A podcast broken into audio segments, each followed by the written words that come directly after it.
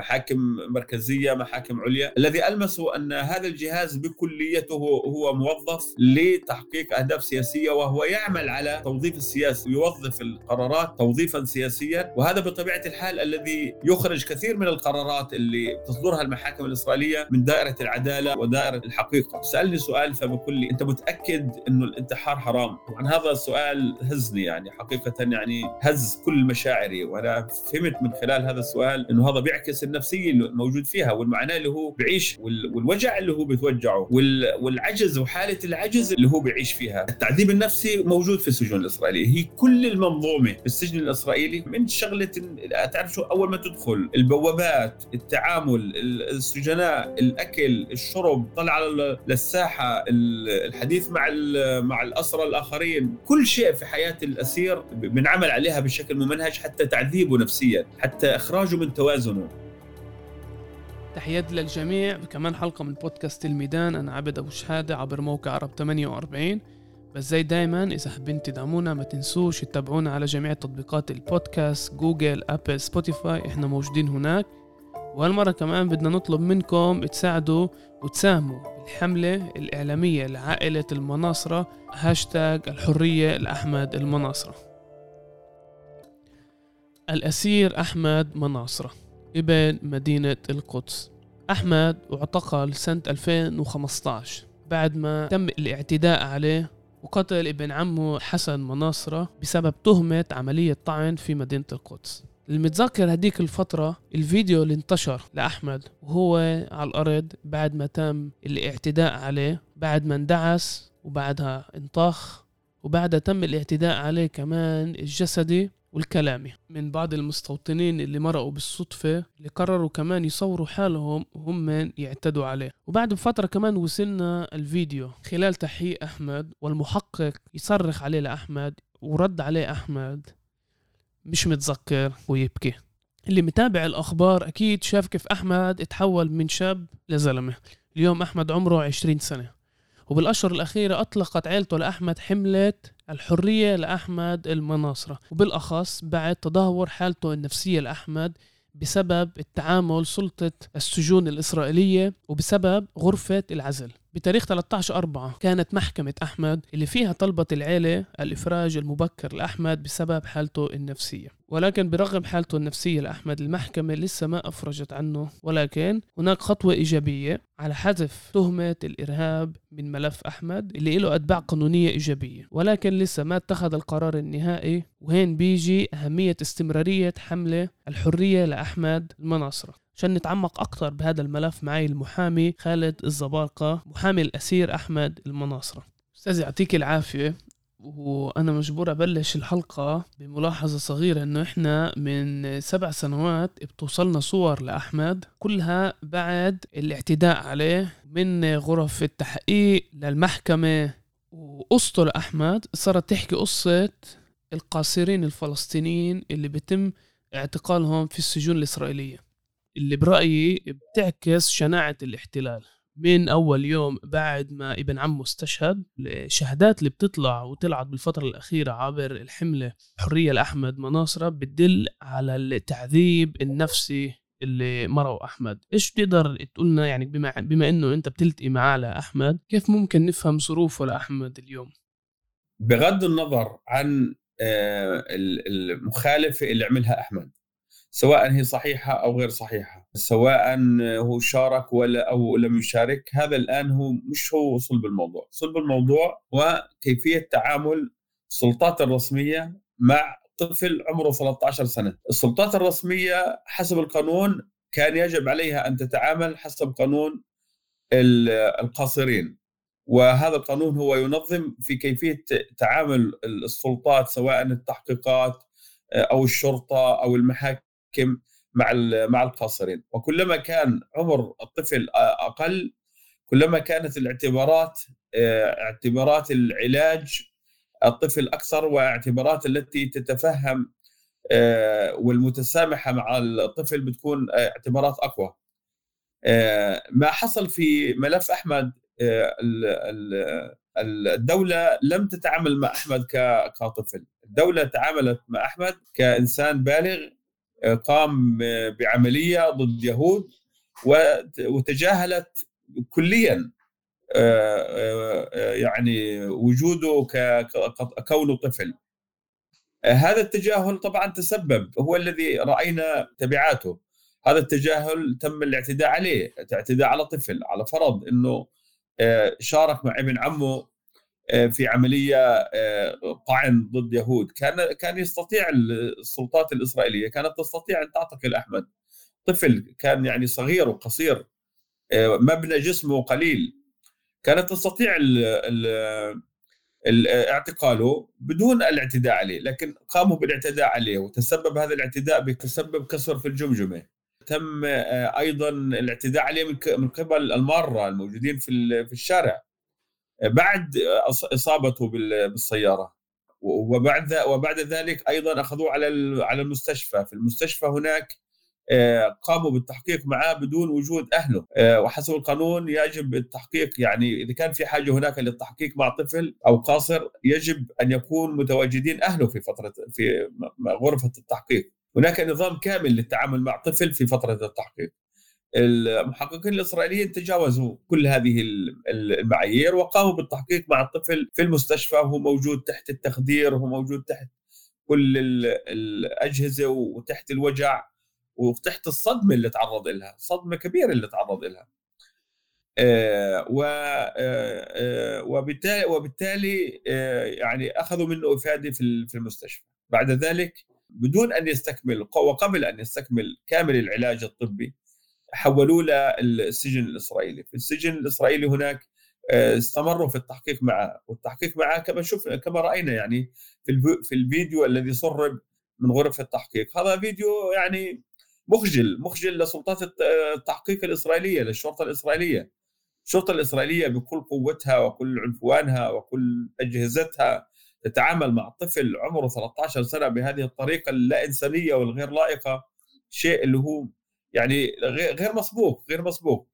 يعني هذا هذا تعامل آه، غير أخلاقي تعامل غير إنساني آه، وتعامل انتقامي هو يعني دوافعه دوافع انتقامية. وبالتالي هذا هذا هذا التعامل يعني هذا استمرار لنهج التعامل مع مع هذا الطفل. بعد ذلك تم الحكم عليه ب 12 سنة 12 عام لطفل عمره 13 آه، سنة بغض النظر إيش المخالفه اللي قام فيها يعني الواحد أنا الآن مش في محض يعني آه، آه، أو في موقع إنه أناقش إيش عمل ولا إيش ما عملش. أنا الآن بناقش من الناحية القانونية في كيفية التعامل مع الطفل حتى لو إنه قام بعمل آه، عملية أو إنه قام بعمل أي مخالفة قانونية أخرى. وتم الحكم عليه بفتره 12 عام. العليا المحكمة العليا خفضت هذا الحكم لتسع سنوات ونصف. ومنذ ذلك الحين وهو موجود في السجون الإسرائيلية بظروف قاسية جدا ظروف غير إنسانية آه، ظروف آه، آه، يعني لا تحترم حرمة الإنسان وكرامة الإنسان ولا ولا تلقي أي اعتبار لطفولته أو لجيله لجيله الصغير يعني ولفترة طويلة. طبعا أحمد كان في فترات متعددة كان أيضا في في, في قسم العزل وضع في عزل انفرادي. العزل الانفرادي بحد ذاته هو تعذيب نفسي حسب القانون. القانون الدولي يقرر قرر إنه العزل الانفرادي بحد ذاته في أي فترة أكثر من 15 يوم تعتبر تعذيب نفسي.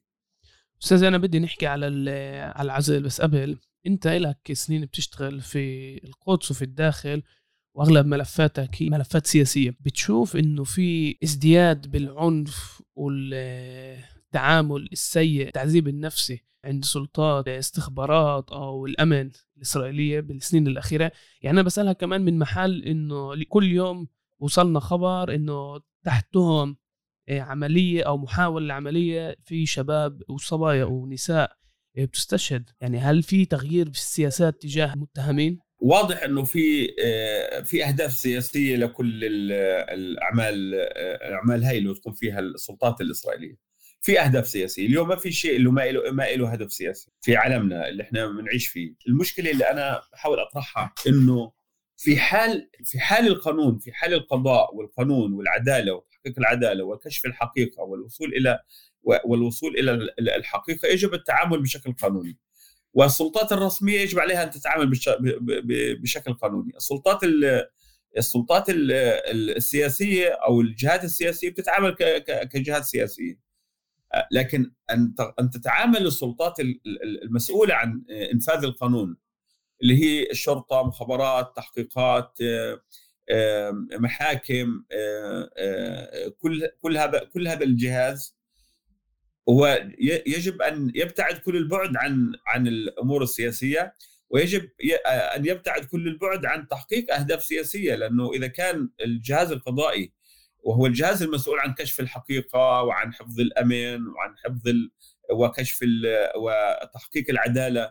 يجب أن يبتعد عن التوظيف السياسي لأنه إذا كان موظف سياسيا لا يمكن ولا بأي حال من الأحوال الوصول إلى الحقيقة. لأنه دائما قرارات المحاكم ستكون يعني خاضعة للاعتبارات السياسية للاعتبارات الأهداف السياسية التي يريدون أن يصلوا إلى إليها من خلال هذه التحقيقات. أو من خلال هذا هذا الإجراء كله. ولذلك أنا الذي يعني ألمسه في جهاز القضاء الإسرائيلي بكل مكوناته سواء يعني الشرطة مخابرات تحقيقات المحاكم محاكم مركزية محاكم عليا الذي ألمسه أن هذا الجهاز بكليته هو موظف لتحقيق أهداف سياسية وهو يعمل على آه، وهو يعمل على التوظيف السياسي ويوظف القرارات توظيفا سياسيا وهذا بطبيعة الحال الذي الذي يعني يخرج كثير من القرارات اللي تصدرها المحاكم الإسرائيلية من دائرة العدالة ودائرة آه، ودائرة الحقيقة. وهذه نقطة غاية في الأهمية حقيقة هذه نقطة غاية في الأهمية. آه، اليوم كمان يعني في نقطة أخرى اللي هي بشوفها في السنوات الأخيرة هي مسألة التهديد المستمر أو الفضح المستمر من طرف المجموعات الإرهابية اليهودية للقضاء الذين قرروا في ملفات معينة. وهذا بطبيعة الحال ألقى بظلاله على أداء القضاه وألقى بظلاله على أداء المحاكم.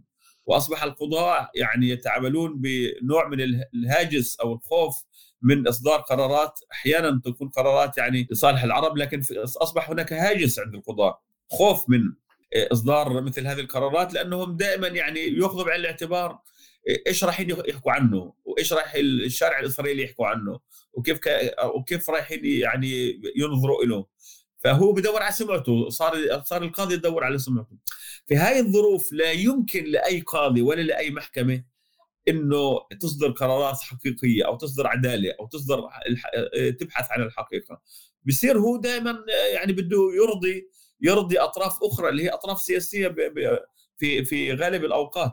أستاذ رغم عن ذلك امبارح إيه، باعتقادي كان عندك إنجاز كبير. أنت والمحامية لاتسامل بحذف تهمة الإرهاب باتجاه أحمد. يعني هذا كمان بيسمح لإعادة نظر بالملف. لطول على أساس يتم الفرج عن أحمد بفترة أقصر من الحكم الأصلي. بس يعني كمان طلع من المحكمة امبارح. اقتباس اللي أثر علينا كلنا لما أحمد سألك هل الانتحار حرام؟ كيف أنت كمحامي بتتعامل لما بيجيك ولد؟ صحيح صار عمره عشرين سنة بس واضح بسبب ظروفه النفسية صار يفكر بالانتحار. اولا أنا أستاذ عبد يعني والسادة المستمعين أنا لا أعتبر إنه القرار اللي كان بالأمس هو إنجاز.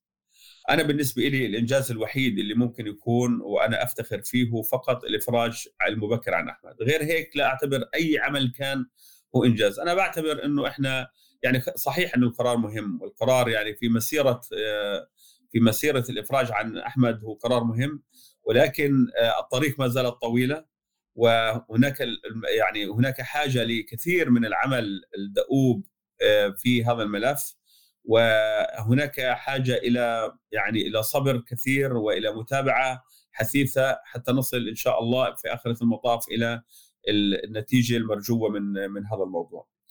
آه، يعني الذي صدر من أمس بخصوص آه، آه، سؤال أحمد يعني هاك هذا السؤال كان سألني إياه أحمد قبل ثلاث أسابيع لما كنت أنا عنده في زياره في قسم العزل ويعني جابوا لي أحمد وهو مقيد ووضعه كان يرثى له معنوياته بالحضيض نفسيته نفسيته مهزوزة محطمة يعني هو كان محطم محطم يعني. إحنا لسه امبارح أحمد لسه شوي ها يعني في شفنا شوية بالرغم من إنه يعني شكله كان يوحي بإنه إنسان محطم إنسان يعني وضعه كثير صعب لكن لما كنت عنده في السجن كان وضعه كثير أصعب من هيك كثير كثير. ولك أن تتخيل كيف كان. يعني إذا امبارح كلنا تأثرنا من من شكل أحمد. فما بالك كيف كان هو في السجن قبل قبل ذلك. فهو سألني سؤال يعني من خلال الحديث يعني معاه على على الموضوع. فسألني سؤال فبقول لي أنت أستاذ أنت آه، أنت متأكد آه، إنه الانتحار حرام؟ طبعا هذا السؤال هزني يعني حقيقة يعني هز كل مشاعري. وأنا فهمت من خلال هذا السؤال إنه هذا بيعكس النفسية اللي موجود فيها والمعاناه اللي هو بعيشها والوجع اللي هو بتوجعه. والعجز وحالة العجز اللي هو اللي هو بيعيش فيها. فهذا الشيء اللي هو كثير كثير صعب وكثير أثر أثر في يعني. وحقيقة يعني يعني في بعض الأحيان يعني دائما بذكر عليه أحمد دائما تذكر عليه هاي الجملة يعني. وهي جملة مهمة هاي الجمله مهمة هاي الجملة لازم توصل كل أذان كل واحد يعني. كل إنسان عنده ذرة إنسانية لازم توصله هاي الجملة انه يبدأ التعامل يبدأ التعامل مع أحمد كطفل اللي بحاجة لمساعده بحاجة لمساعده إنه نخرجه من هذا الوضع اللي هو موجود فيه. أحمد بحاجة لعلاج أحمد مش مجرم أحمد بحاجة لعلاج مر في ظروف غاية في غاية في الخطورة غاية في الصعوبة وهي الظروف بحاجة لعلاج آه، حتى يكون أحمد إنسان اللي هو نافع في المجتمع وإنسان له دوره في المجتمع. آه، ولذلك المطلوب الآن بشكل فوري هو إخراج أحمد من السجن إخراجه من العزل الانفرادي وضعه في العلاج. يعني بحاجه لعلاج مصحه بحاجه إلى دفء اجتماعي بحاجه لعائله تكون حواليه. وهذا الشيء اللي هو مطلوب الآن يعني هو بشكل فوري. أستاذي إحنا يعني بنسمعها كثير بالسنوات الأخيرة بالذات من الاسرى تقول إنه التعذيب مش تعذيب جسدي. إنه نوع التعذيب اليوم هو تعذيب نفسي. وبضلوا معنا بعد التحرير. تطلع لك تتعامل مع الأسرى السياسيين بتشوف تأثير التعذيب النفسي عليهم بعد ما بيروحوا من السجن. آه بطبيعة الحال واضحة. يعني كل أسير بيطلع من السجن هو أسير آه، يعني مع أزمة نفسية سواء يعني بطريقة أو بأخرى. آه، بطريقة أو بأخرى. وبياخذ معه وقت كثير الحديث لما يعني يتعالج آه، أو يستعيد قواه ويستعيد توازنه. التعذيب النفسي موجود في السجون الاسرائيليه هي كل المنظومة في السجن الإسرائيلي كل المنظومة من شغلة تعرف شو؟ أول ما تدخل البوابات التعامل السجناء الأكل الشرب طلع على للساحة الحديث مع مع الأسرى الآخرين. كل شيء كل شيء. كل شيء في حياة الأسير هي بنعمل عليها بشكل ممنهج حتى تعذيبه نفسيا حتى إخراجه من توازنه حتى يطلع إنسان مضروب يعني. إحنا شفنا كثير حالات كمان في ناس اللي طلعوا طلعوا مجانين من السجون الإسرائيلية. إسرائيل تمارس التعذيب. التعذيب النفسي والتعذيب النفسي هو لا يقل خطورة على التعذيب الجسدي حقيقة يعني. إيه، وأحيانا هو يفوق في خطورته التعذيب التعذيب الجسدي لأنه هون هون في قتل للمع... للنفس للروح روح البني آدم في في فيها قتل يعني. أنا باعتقادي إنه هذا الشيء اللي هو يجب تسليط الأضواء عليه. هذا شيء مهم ويجب تسليط الأضواء عليه. موضوع الاسرى آه، آه، في آخرة المطاف الموضوع كل الموضوع كل منظومة الاسرى في تقصير كبير يعني من طرف المسؤولين الفلسطينيين على موضوع الاسرى ولكن موضوع الاسرى هو موضوع مهم ويجب تسليط الأضواء عليه تسليط الأضواء على معاناة الاسرى على معاناة عائلات الاسرى، أطفال الاسرى، أمهات الاسرى، زوجات الاسرى شيء كل يعني إحنا بنحكي عن إحنا يمكن بالنسبة لنا الأسير رقم أو إنسان ها موجود في السجن لكن بالنسبة للعائلة الأسير هو كل عالمها. يعني يعني اليوم اللي بتطلع الأم أو الزوجة من بيتها حتى تزور ابنها اللي موجود 200 كيلومتر بعيد عنها هي بتكون طالعة من الساعة 2 الفجر. وبتروح بساعة متأخرة بالليل ويمكن تروح توصل هناك وما يدخلوهاش. ويمكن لما لما يدخلوها يعني ب بيخلوها تحس في المعاناة وبتعاني بتتالم بشكل كبير. ومن خلال يعني خلال حاجز آه، زجاجي ما بتقدر تلمسه ما بتقدر تسلم عليه ما بتقدر تبوسه ما بتقدر يعني ولا شيء ولا شيء. تصور يعني أم بتشوف طفلها ابنها قدامها مش قادره تمسكه وتلمسه. يعني مثلا أحمد امبارح يعني إمه ما, ما, رفضوا إنها تلمسه وتسلم عليه. طيب شو بده يكون يعني خطورة لما إم تسلم على طفلها عمره 13 سنة. الخطورة كانهم فاكرين إنه الخطورة إنه اذا اذا إذا بتسلم عليه بترتفع معنويات معناته هذا فشل لسياساتهم. بعرفش يمكن هيك بفكروا. أما الإشي خطير يعني الإشي اللي بتعامل المعاناة اللي بيعانوا منها الاسرى معاناة كبيرة. أستاذ بدي نرجع على غرفة العزل. إحنا بنسمع عنها كتير بس مش عن جد بنعرف إيش يعني غرفة عزل يعني. هل في هناك شباك؟ هل بوصل لهم أكل؟ هل في ساعة؟ كيف ممكن الواحد يفهم إيش هاي الغرفة؟ غرفة عزل عادة بتكون في قسم اللي هو قسم العزل وفي عدة غرف آه، فيه وكل أسير في له غرفة بتكون ضيقة جدا هاي الغرفة. آه، كل أسير ممنوع يحكي مع الاسرى الآخرين. فيش له فيش له حياة اجتماعية. هو بقضي كل ال 24 ساعة لحاله بالغرفة. كل ال 24 ساعة شيء يعني آه، وقت كبير وقت طويل طويل كثير بالنسبة للأسير آه، يقضيه في في في الغرفة. طبعا طعام وجودة الطعام رديئة جدا آه، ظروف الحياة رديئة جدا. ما في له حياه ما في له حياة اجتماعية ما بيقدر يلتقي مع الاسر الآخرين ما بيقدر يشارك في الفعاليات الاجتماعية الموجود اللي اللي اللي بقوموا بها الاسر الآخرين. ما بيقدر يتعلم ما بيقدر يحكي مع حدا يحكي مع بني آدم يعني البني آدم بطبعه هو إنسان اجتماعي كيف ما قال ابن خلدون. ولكن يعني ما في الحياة الاجتماعية مفقودة مفقودة تماما في قسم العزل. والقسم العزل شيء خطير جدا يعني يعني قسم العزل الشيء اللي هو مكان اللي اللي اللي, اللي هناك تقتل نفس النفس البشرية فيه. إحنا بنعرف إنه في حالة نفسية لأحمد جدا خطيرة وبرغم عن ذلك بخلوه بغرفة العزل. لهالدرجة سلطة سجون معنيه بهذا النوع من التعذيب؟ يعني بيكونوا شايفين إنه في وفاهمين إنه في هنا طفل وضعه النفسي جدا سيء. هل في عندهم تبريرات مهنية طبية اللي بتخليهم يخلوا أحمد بغرفة العزل ولا عطالة؟ كيف ممكن نفهم كيف هم بيتصرفوا شوف يعني التبريرات موجودة يعني في بنك تبريرات عند سلطة السجون. عند الدولة في بنك تبريرات ما في مش مشكلة تبرير يعني هم ما لكن هل التبرير هذا حقيقي ولا التبرير هذا مزيف؟ أنا بكل تأكيد أنه هذا التبرير مزيف يعني.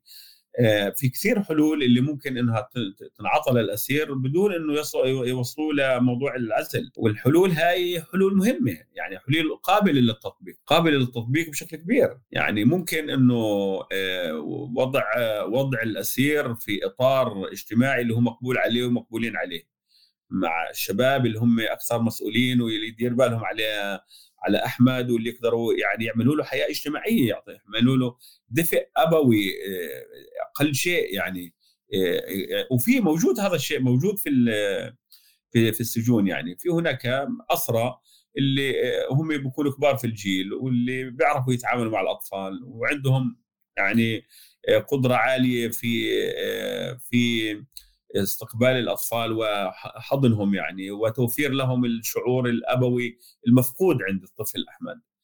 آه، وهذا وهذا قابل للتطبيق لكن هل تقوم السلطات بما سلطات السجون بما يلزم في سبيل ذلك؟ أنا أعتقد إنه هي لا تقوم بذلك.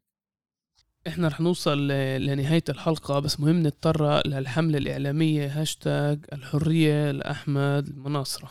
انت برأيك كمان يعني كمحامي اللي بيطلع لك تتعامل كثير مع المحاكم الإسرائيلية برأيك هاي هاي الحملة وبشكل عام بتأثر على القرار تشكل ضغط في إلها فايدة؟ هل بسببها إحنا شفنا القرار بالأمس مع حذف تهمة الإرهاب من ملف أحمد ولا ما ما بتأثر على المحكمة؟ لا الحملة مهمة الحملة مهمة جدا ويجب ويجب الاستمرار والهاشتاج الهاشتاجات والحرية لأحمد مناصرة والحرية للطفل أحمد مناصرة وتسليط وتسليط الضوء على قضية أحمد مناصرة. هي مهمة جدا مهمة جدا لعدة أسباب. اولا مجرد الحملة هي أحد الأدوات الديمقراطية السلمية التي يتعامل معها الناس الراقيين يعني في يقومون بحملة من هذا النوع، هذا رقي في التعامل، هذا رقي في في التحدي، هذا رقي بالرفض، هذا جزء من التعبير عن الرأي اللي آه، باعتقادي يعني الجهات العاقلة في المجتمع الإسرائيلي تستمع إلى هذه الحملة بشكل جيد ولها تأثير لم يكن لها تأثير محلي لها تأثير دولي لها تأثير عالمي. التجنيد في هذه الحملة فاق التصور وهو شيء كبير جدا يعني. تسليط الضوء على قضية أحمد على معاناة أحمد على طفولة أحمد على شعور أحمد على ما يتعرض له أحمد هذا شيء كثير مهم. كثير مهم. يعني لولا هاي الحملة إحنا ما قدرنا إنه نوصل صوتنا بهاي القوة اللي اليوم موجود. أه ولكن المعاناه هاي كانت أمامنا واحدة من ثنتين. إما أن تبقى مطموسة وإما أن تخرج إلى العلن تخرج إلى الرأي العام. خروجها إلى الرأي العام كان مهم. بغض النظر عن النتائج ممكن تكون نتائج آنية فورية أو أو تراكمية بعدين للحملة أمام المحكمة الإسرائيلية. لكن المحكمة الإسرائيلية يعني يعني يجب عليها أن تصغي. أن تصغي إلى هذه الحملة لأن هذه الحملة تعبر عن وجع معين تعبر عن رفض معين ويجب عليها أن تصغي لهذا لهذا الموضوع. أيضا الحملة هذه سلطت الأضواء على الأسرى الأطفال الفلسطينيين في السجون الإسرائيلية يعني ما ننسى هذا الموضوع الأطفال هي أحد القضايا الحارقة في في الحركة الأسيرة الفلسطينية. والأطفال آه، بيعانوا بيعانوا بشكل كثير كبير. ويجب تسليط الأضواء عليهم. يجب تسليط الأضواء على على المنظومة السياسية. يجب تسليط الأضواء على منظومة على منظومة القضاء الاسرائيلي وكيفية التعامل مع الأطفال. هذا شيء مهم. يجب على العالم الذي يتغنى بالحريات وبحقوق الإنسان وبحقوق الطفل أيضا أن يوضع تحت المحك حتى يقوم بدوره المطلوب منه. يعني الطفل أحمد مناصر عمره طفل عمره 13 عام ولم تتحرك الجهات الدولية التي تعنى بالطفولة في العالم. هذا شيء معيب على الإنسانية كلها. وهذا العيب يعني مشين جدا ومخجل ويجب على هذه المؤسسات أن تخجل من صمتها وسكوتها على هذا على هذا الانتهاك الصارخ لحقوق أحمد. بالإضافة للحملة الإعلامية لأحمد شفنا بالسنة الأخيرة مع هبة الكرامة كيف العالم كمان صار يتجاوب مع هاي الهاشتاجات. بين إذا كان أنقذوا الشيخ جراح الحرية لأحمد هاشتاج لمسجد الأقصى. برأيك هذا كمان بيأثر وبشكل ضغط؟ إذا هلأ مثلا ممثل من هوليوود أو إنسان مشهور بالغرب بشارك هذا الهاشتاج في له صدى ولا إشي عابر؟ شوف العالم العالم العالم مختلف العالم ليس واحد ليس عالم واحد. هناك هناك عالم متعدد. هناك من هو معك وهناك من يؤمن بالحقوق الأساسية في العالم وهناك من يؤمن بحقوق الإنسان وهناك من يؤمن بالحريات وهناك من يؤمن بالمشروع الصهيوني وهناك من ينسجم مع المشروع الصهيوني وهناك من ينسجم مع مع المعاني الإنسانية الراقية العالمية التي يعني التي ينطوي تحتها كل العالم. لذلك هذه المسألة مهمة لأنه هذا شيء اللي هو بيبني رأي عام عالمي. بناء رأي عام عالمي مهم. للقضية الفردية ومهم للقضية الجماعية وأيضا الطرف الآخر يسعى لبناء رأي عام. الطرف الآخر هو يسعى يسعى بكل قوته لبناء رأي عام، بناء الرأي العام هو مهم ولا يجب أن يعني نتنازل عن الرأي العام، ممنوع يكون خطابنا خطاب شمولي، يعني نحن نقول العالم منافق، لا غلط. العالم مش منافق، في هناك منافقين وفي هناك صادقين، وهناك كذابين وهناك ناس حقيقيين. هناك ينادوا نداء مزيف ولكن في هناك ناس صادقين في في ندائهم لحفظ حقوق الناس حفظ حقوق البشر وسلطة القانون والشرعية الدولية. لذلك التعامل الشمولي مع القضايا هو أحد الأشياء اللي إحنا إحنا العرب يعني عادة من نحب نتعامل بالطريقة هاي بس هو تعامل خاطئ خاطئ يعني بشكل كبير. إيه، أبو رمضان إذا في عندك رسالة أخيرة لمستمعين البودكاست المنصة لك رسالتي أنا بقول إيه، إحنا إحنا بشر وإحنا لنا حقوق كبشر وعلينا دائما إنه إحنا نحافظ على حقوقنا كبشر. ممنوع إنه إحنا نتراجع أو نخاف أو تصير عندنا هواجس من إنه نعبر عن آرائنا ونعبر عن مخاوفنا ونعبر عن ما يقلقنا ونعبر عن ما يزعجنا ونعبر عن حبنا لتراثنا وحضارتنا وعاداتنا وتقاليدنا ومقدساتنا وهويتنا ووجودنا.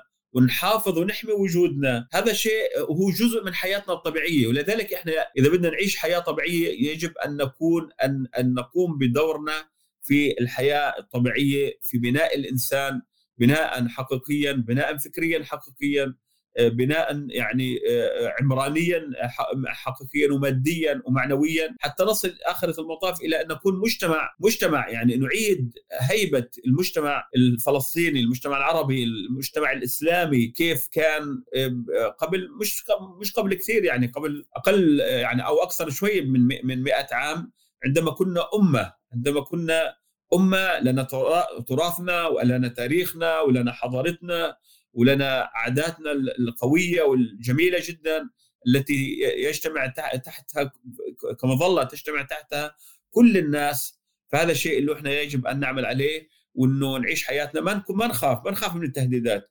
أنا لأنه أنا بشوف في الاخير في آخرة في الفترة الأخيرة في هناك تهديدات كثيرة والناس خايفة تحكي وخايفة تعبر عن رأيها وخايفة تشارك في مظاهرة وخايفة تشارك في وقفة وخايفة تشارك في حملة حملة إعلامية. لا لا يا عمي هاي هاي الشيء اللي هو من صلب الديمقراطية ومن صلب أحد الأدوات المهمة جدا في التعبير عن الرأي وأحد الأدوات المقاومة السلمية اللي, اللي, اللي العالم اليوم بيحميها. لذلك يجب أن نكون عندنا يعني الشجاعة الكافية أن نفرق بين المسموح والممنوع آه، بين القانوني والغير قانوني. وأن نعمل بكل قوتنا بالأدوات السلمية المدنية الموجودة بين إيدينا حتى نحقق كل مطالبنا ولا ولا ولا نتنازل ولن نتنازل ولا على ولا على أي مطلب من مطالبنا في هذه الحياة. ابو رمضان يعطيك العافية عزيزي. بس عن جد سؤال أخير بدي أنهي فيه. إمتى المحكمة الجاي لأحمد؟ وإذا في إشي إحنا كمان ممكن نساعد فيه إذا التواجد بالمحكمة ممكن يساعد يساهم. استمرار الحملة الإعلامية حرية لأحمد إيش بتنصحنا؟ أولا الاستمرار في التفاعل مع الحملة واستمرار الحملة هذا شيء كثير مهم آه، آه، إحنا حتى الآن لم يعني لم يصل لنا يعني آه، تاريخ للجلسة القادمة لكن إحنا سنعلن إن شاء الله في الجلسة القادمة ونحن نريد كيف ما كان التفاعل مع الجلسة التي كانت بالأمس نريد التفاعل مع الجلسة القادمة وكل الجلسات التي تكون التي ستكون مع أحمد لأنه مهم جدا هذا التفاعل وهذا التفاعل يعني له زخم وعمل زخمه. وأنا باعتقادي يعني كان لا عمل ظلاله كانت واضحة امبارح في المحكمة وعلى تصرف أيضا المحكمة اللي, اللي كانت امبارح. استمروا استمروا استمروا. أستاذي شكرا. وإنت استمر. استمر بعملك اللي برأيي يعني لا يقل لا يقل نقول عليه بطولة آه، بدفاعك عن الاسرى بدفاعك عن أبناء شعبنا وشكرا لك حياكم الله. شكرا شكرا. أستاذ عبد حياك الله. السلام عليكم. السلام. هاي كانت كمان حلقة من بودكاست الميدان. بس زي دايما ما تنسوش تتابعونا على جميع تطبيقات البودكاست. Google Spotify Apple إحنا موجودين هناك. بس أهم من هيك ما تنسوش تساهموا بالحملة الإعلامية لأحمد المناصرة. هاشتاج الحرية لأحمد المناصرة.